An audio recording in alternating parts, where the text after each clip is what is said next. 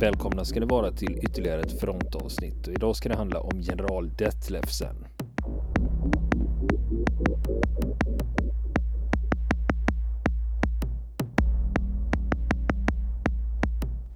Ja du Niklas, då var det dags att tala om våran tyske general igen då. Ja, vi ska ta oss vidare i hans eh, efterlämnade manuskript där om, eh, om de sista dagarna av andra världskriget. Och eh, när, vi, när vi lämnade honom i förra avsnittet då hade ju befälhavaren för armégrupp Weichsel, alltså trupperna som hade försvarat Berlin, fått sparken eh, under de sista aprildagarna av eh, fältmarskalk Keitel som var en av Hitlers närmaste militära medarbetare och som helt hade förlorat eh, kontakten med verkligheten. Och eh, som, som inte ville begripa att eh, de order han, han gav till de tyska trupperna runt Berlin inte kunde genomföras. På grund av ja, brist på allt och fiendens överlägsenhet och så vidare och så vidare. Eh, så att eh, när vi återkommer in i den här berättelsen så är de här trupperna, eller det som är kvar då av eh, armégrupp Weichsel, ledarlösa. Den bestod ju av två arméer i, vid den här tiden i april 1945. Som vi har nämnt tidigare, det var den tredje pansararmén och det var den nionde armén. Och nionde armén var ju vid det här laget kan man säga helt utslagen. Den, den eh, hade splittrats upp och omringats av, eh, av eh, ryssarna och en del av den hade hamnat i Berlin under slutstriden där och en annan del höll på att kämpa sig fram genom skogarna söder om Berlin för att ta sig till Elbe och eh, de amerikanska linjerna. Och, eh, men eh, så tillkom det ändå i slutänden ytterligare en armé som bara fanns på pappret då egentligen, 21 armén. Som egentligen, ja, i princip bara var en arméstab eh, utan trupper vid, vid den här tiden då.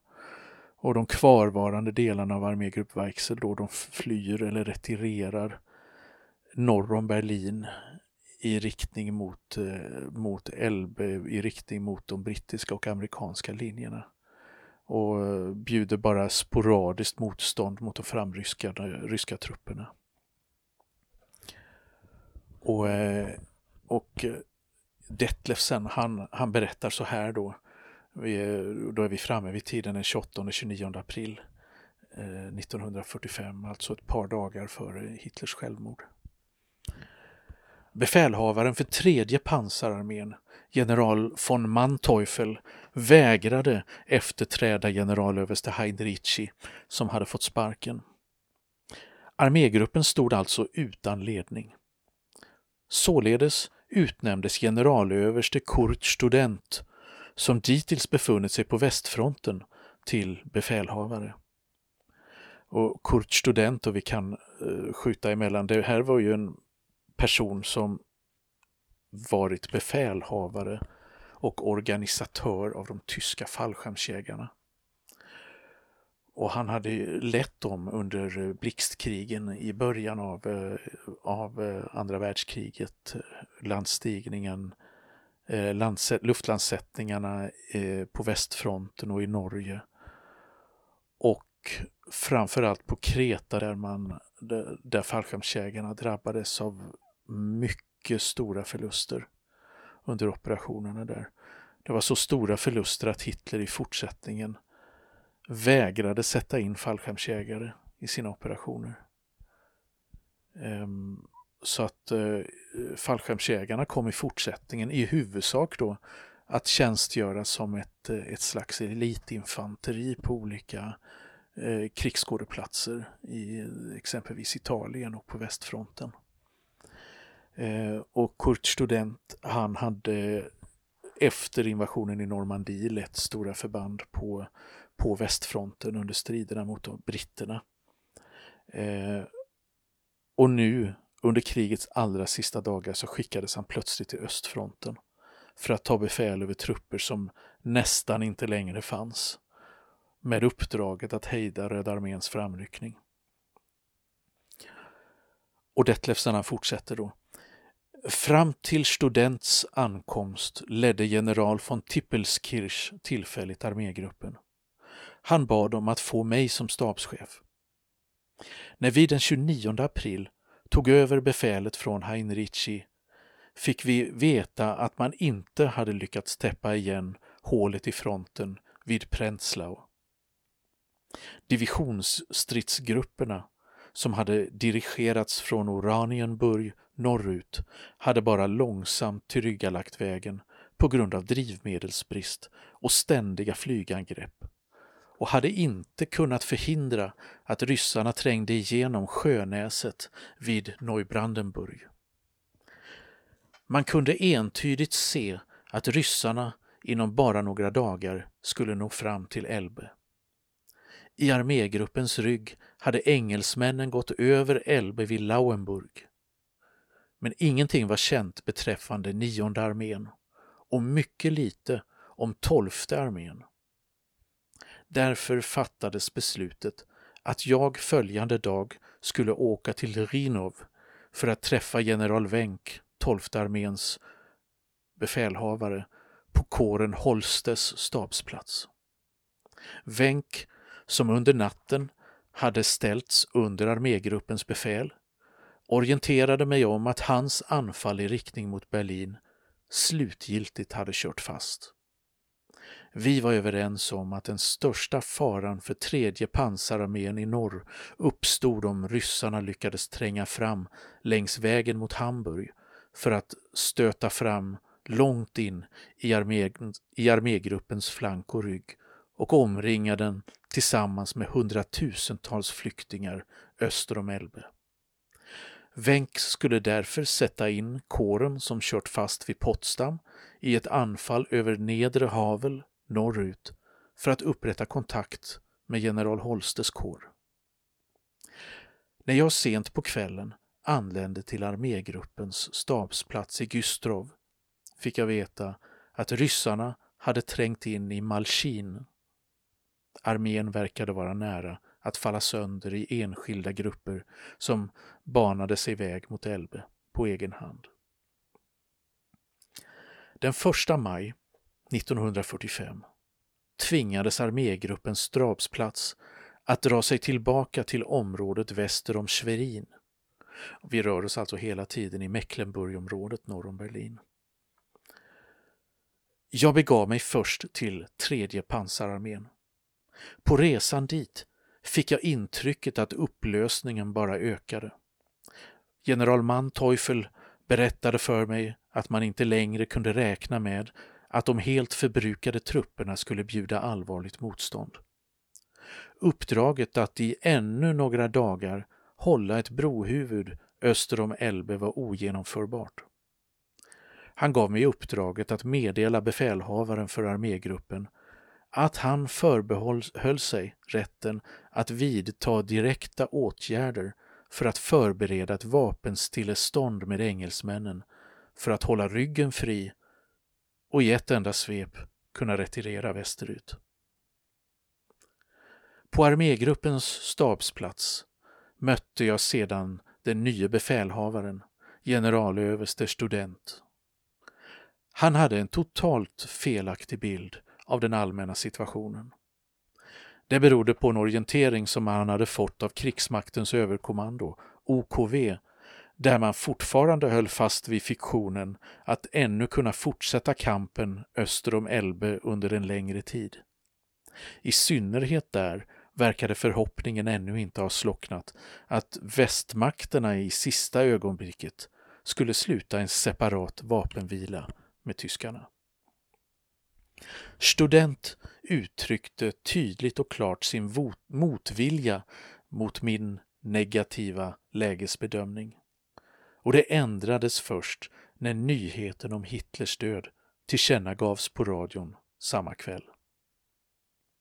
Av de senaste kvällsrapporterna framgick det att ryssarna hade skurit av förbindelsen mellan kåren Holste och Wencks övriga styrkor. Situationen vid Havelberg var oklar. I Mecklenburg befann sig de egna trupperna i full reträtt mot väster. Vi hoppades att återigen kunna organisera en frontlinje kommande dag på bägge sidor om Schwerin genom att utnyttja kedjan av sjöar. Nästa morgon, den 2 maj, kontaktades jag av general Wenck som överbringade rapporten att general Busse hade brutit sig igenom västerut med resterna av nionde armén, vilket befriade oss från ett stort bekymmer.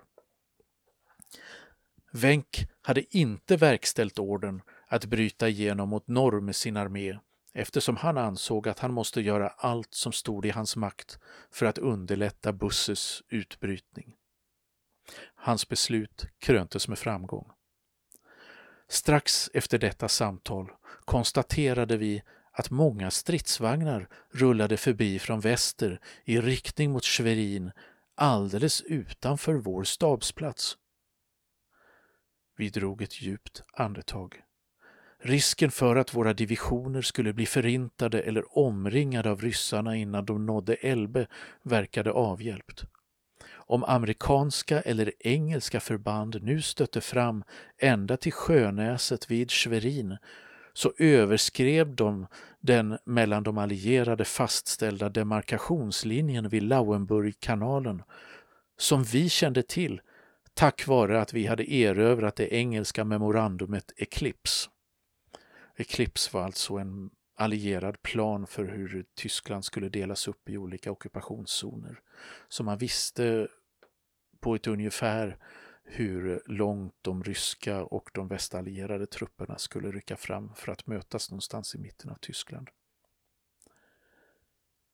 Vi trodde oss kunna se tecken på att även våra västliga motståndare hade ett intresse av att rädda tyska människor från att utplånas av ryssarna. Först senare fick vi reda på att den här brittiska framryckningen hade rört sig om en helt egenmäktig åtgärd av Montgomery. För de här stridsvagnarna då som de hörde mullra förbi utanför sin stabsplats, det var ju alltså brittiska stridsvagnar. Nu var vi varje ögonblick tvungna att räkna med att bli tillfångatagna. Befälhavaren, student och jag försökte därför ta oss till flygplatsen i Travemünde för att därifrån flyga till general Wenck. I två stabsbilar modell Kübelwagen ljög vi oss fram rakt igenom ett brittiskt eller amerikanskt stridsvagnsförband som marscherade mot öster. Sedan förlorade jag befälhavaren, student ur sikte. Jag lyckades ta mig till Travemünde, där jag emellertid inte påträffade något flygplan. Därför åkte jag med den sista färjan över floden Trave innan engelsmännens ankomst och därefter hela natten via Kiel till Flensburg-Mürvik vid danska gränsen för att infinna mig hos storamiral Dönitz.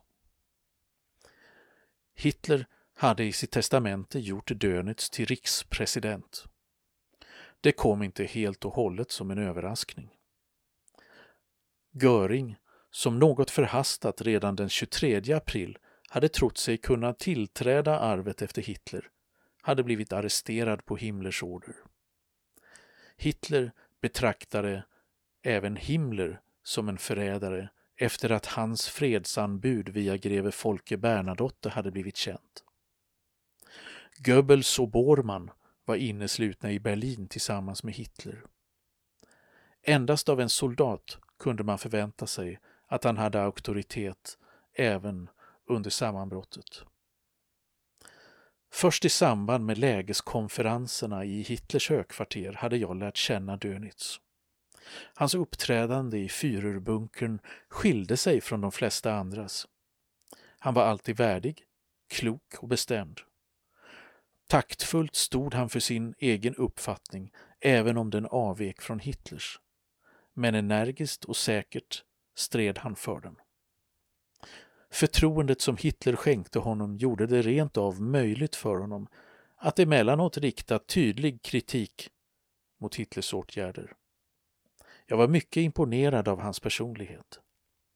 Redan när jag avlade rapport i Plön den 26 april hade Dönitz låtit antyda att han var emot ett fortsättande av kampen om Berlin och betraktades som den enda uppgiften för trupperna på östfronten att upprätthålla en fördröjande motstånd på en så sammanhängande front som möjligt. Tills huvuddelen av befolkningen som var på flykt undan ryssarna hade korsat Elbe på vägen västerut. Vid tidpunkten då Dönitz tog över ledarskapets svåra börda såg situationen ut på följande sätt. Trupperna på västfronten hade till stor del råkat i fångenskap eller befann sig i total upplösning.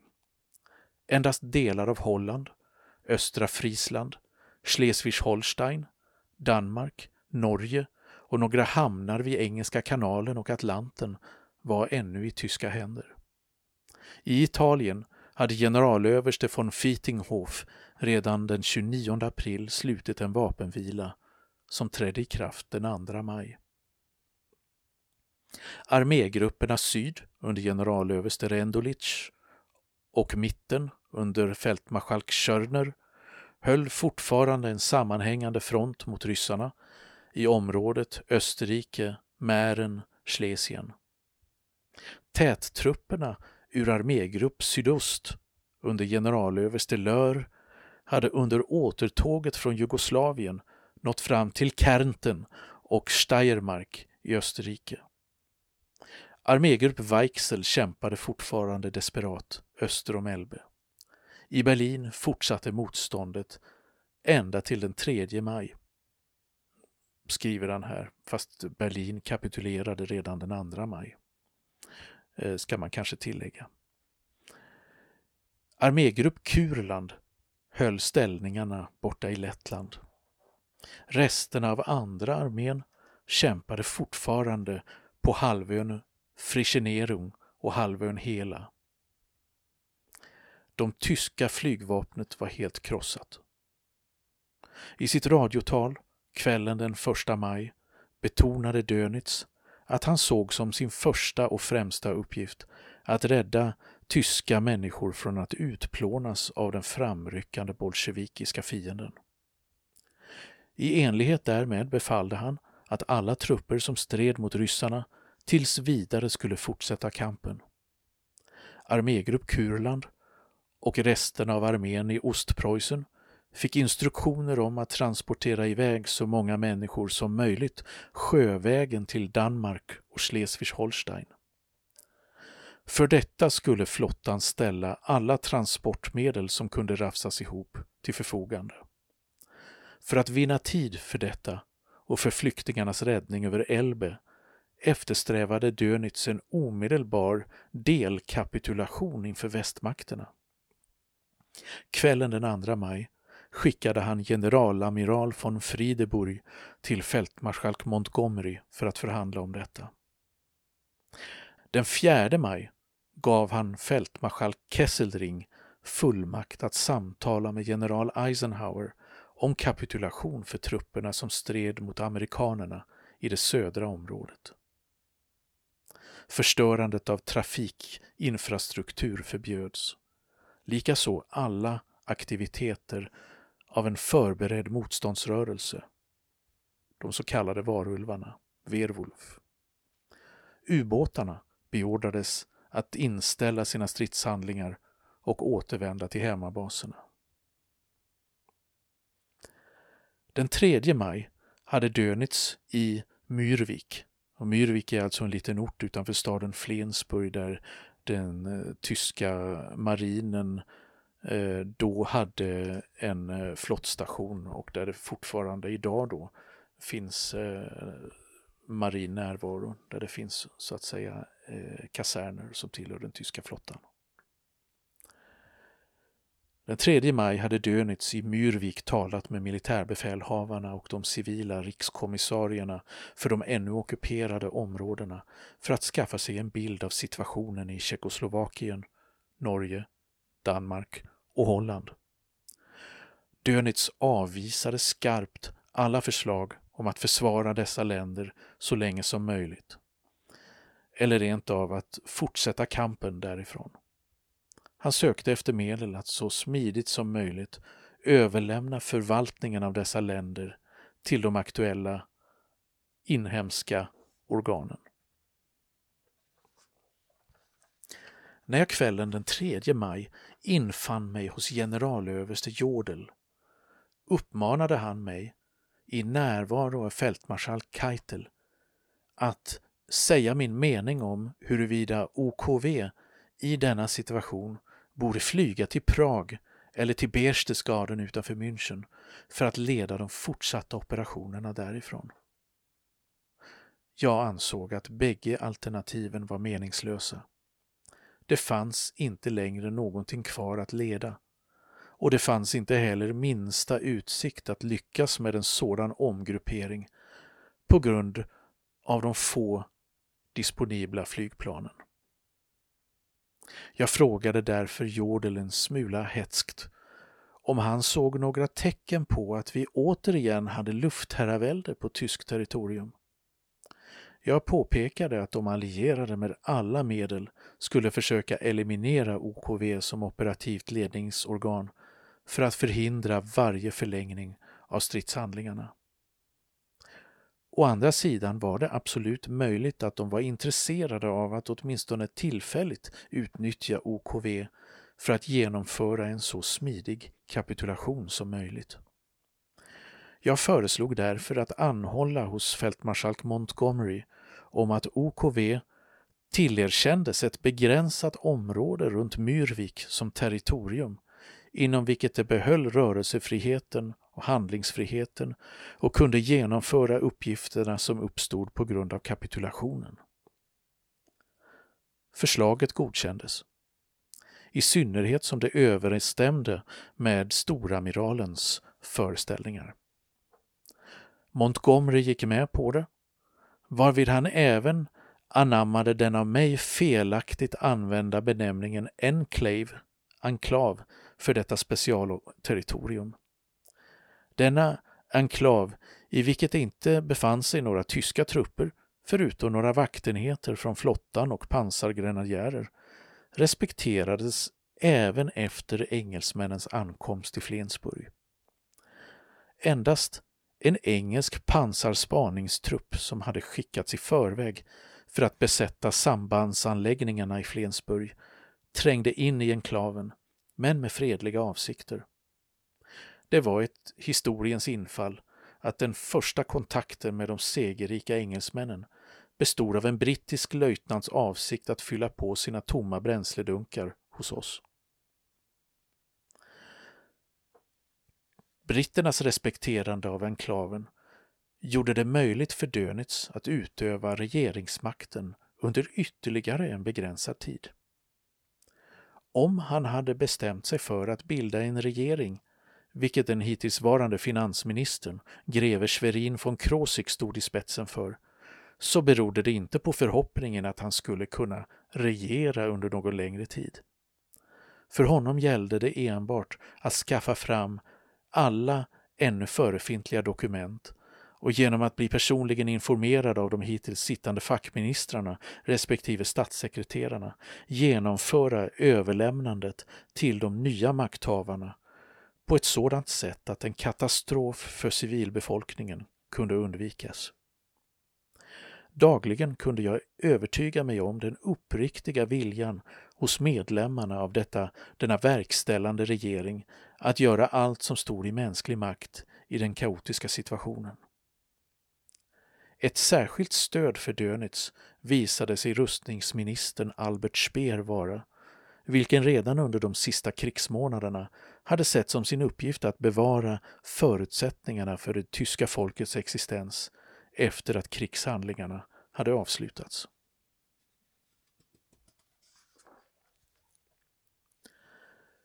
Natten till den 4 maj 1945 återvände generalamiral von Friedeburg till Myrvik och överbringade nyheten som vi mottog med stor lättnad att Montgomery var redo att gå med på en separat kapitulation av de tyska trupperna som stod mitt emot hans förband. Även om hans villkor var hårdare än, vi var, än vad vi hade förväntat oss så växte ändå vår förhoppning om att kunna rädda en stor del av trupperna som kämpade på östfronten och framförallt flyktingarna från rysk fångenskap. På Frideburgs frågor hade Montgomery svarat att hans soldater inte skjuter på kvinnor och barn. Sammanhållna förband som hade stridit mot ryssarna skulle han överlämna åt ryssarna. Individuella soldater som gav upp inför engelsmännen skulle däremot behandlas som brittiska krigsfångar. Vi förstod det. Motsvarande instruktioner utdelades omedelbart till de underställda förbanden. Särskilt tacksamma var vi för att engelsmännens flotta trots kapitulationskravet inte förhindrade fartygstransporterna från Ostpreussen och Kurland. Kvällen den 4 maj undertecknade Friedeburg i Lüneburg den separata kapitulationen för det norra området. Den trädde i kraft klockan åtta den 5 maj. Ett försök av Friedeburg som skickats från Montgomery till Eisenhower att även uppnå en separat kapitulation inför amerikanerna misslyckades på precis samma sätt som Kesselrings liknande ansträngningar att uppnå samma sak. Eisenhower krävde en samtidig kapitulation, även inför ryssarna. Alla trupprörelser, alltså även de tyska truppernas reträtt från östfronten till de västallierades område, måste upphöra. Därefter skickade Dönitz den 6 maj generalöverste Jodel till Reims i Frankrike för att försöka förmå Eisenhower att ändra sig. Jodel hade inte någon framgång han heller. Eisenhower krävde att alla fronter skulle kapitulera omedelbart och hotade med att i annat fall vägra ta emot alla tyska soldater från östfronten i fångenskap i väst och på nytt börja bombardera tyska städer. Jodel, som hade lyckats bestämma tidpunkten för kapitulationen till den 9 maj och därigenom vinna ytterligare knappt 48 timmar för transporterna från Ostpreussen och Kurland samt för återtåget bakom de engelska och amerikanska linjerna, mottog natten till den 7 maj tillåtelse att kapitulera via ett radiotelegram från Dönitz. Nästa dag ägde det högtidliga undertecknandet av kapitulationsdokumentet rum i Karlshorst i Berlin. Från tysk sida deltog fältmarskalk Keitel, generalamiral von Friedeburg och generalöverste Stumpf från flygvapnet. Orienteringen om den nära förestående kapitulationen klockan 00.00 den 9 maj skickades omedelbart efter Jodels underskrift i Reims ut till alla tyska staber som ännu kunde nås via radio. Genomförandet av kapitulationen såg olika ut på alla tyska frontavsnitt. På hela östfronten utnyttjades de få återstående timmarna febrilt till att rädda sig undan rysk fångenskap. Den tolfte armén, tillsammans med resten av nionde armén, lyckades den 7 maj gå över Elbe på bägge sidor om Tangermünde och gå i amerikansk fångenskap. Huvuddelen av tredje pansararméns trupper vek tillbaka bakom Montgomerys trupper, vilka den 2 maj hade ryckt fram österut till linjen Ludvigslust, Schwerin, Wismar. Hårdast drabbades armégrupperna Syds, under de sista dagarna kallad Ostmark, och armégrupp Mittens trupper, som ännu försvarade sig i Tjeckoslovakien. Eftersom man i OKV hade trott att amerikanerna skulle besätta Tjeckoslovakien fick de först den 7 maj order efter en vink från Eisenhowers stabschef Bedell Smith om att dra sig tillbaka till den bayerska gränsen. Nu försökte de, medan de delvis fortsatte striden, att slå sig igenom mot väster, igenom Böhmen och befann, som befann sig i fullt uppror. Men amerikanerna spärrade gränsen och skickade tillbaka hundratusentals soldater till ryssarna. en åtgärd som vi inte begrep. I Ostpreussen överlämnade sig general von Saukens armé först den 14 maj. Här, liksom i Kurland i Lettland, hade man genom flottans outtröttliga arbete lyckats transportera iväg majoriteten av de sårade. Det som uträttades här av de minsta enheterna ur flottan, det vill säga motortorpedbåtar och minsvepare, var föredömligt. Det som chefen för en division som till stor del förts ut från Kurland berättade för mig efter hemkomsten var lika skakande som upplyftande. När de sista båtarna lade ut från Libau, dagens Liepaja, stod tusentals soldater på kajen, vilka hade hoppats kunna komma med. Inga svordomar, inga skällsord kunde höras från de kvarlämnade. Endast ropet ”Hälsa hemlandet” och Tysklandssången sjöngs ur tusentals strupar. Och där lämnar vi Detlefsens eh, berättelse för den här gången med eh, de tyska truppernas kapitulation. Men historien är inte över där utan den kommer fortsätta ytterligare ett par veckor eh, efter den allmänna tyska kapitulationen. Ja, men det är intressant att höra detaljerna om hur det gick till. Va? Mm. För de flesta av oss vet att ja, och så blir det fred och sen mm. eh, var kriget slut medan det i själva verket sker saker hela tiden. Det gör ju det. Och just de här sjöevakueringarna då som pågår på södra delen av Östersjön är ju ett fruktansvärt dramatiskt och skakande kapitel. Eh, den här kampen mot klockan, alltså de sista timmarna, att få ut så många människor som det bara går. Ehm, eh, från, från de här sista kvarvarande hamnarna på Östersjön som då hamnar som är omringade av de ryska trupperna. Så att eh, det, det, var många, många som eh, kom ut, men det var också många som lämnades kvar, både soldater och civila. Eh, soldater då som hamnade i långvarig sovjetisk krigsfångenskap och många av dem kom återvände aldrig från den. Vill ni komma i kontakt med oss så kan ni göra det via vår Facebook-sida som heter Fronten. Det är inga problem för er att leta er fram där. Eller också så mejlar ni på vår mejladress och det är frontenpodcastgmail.com.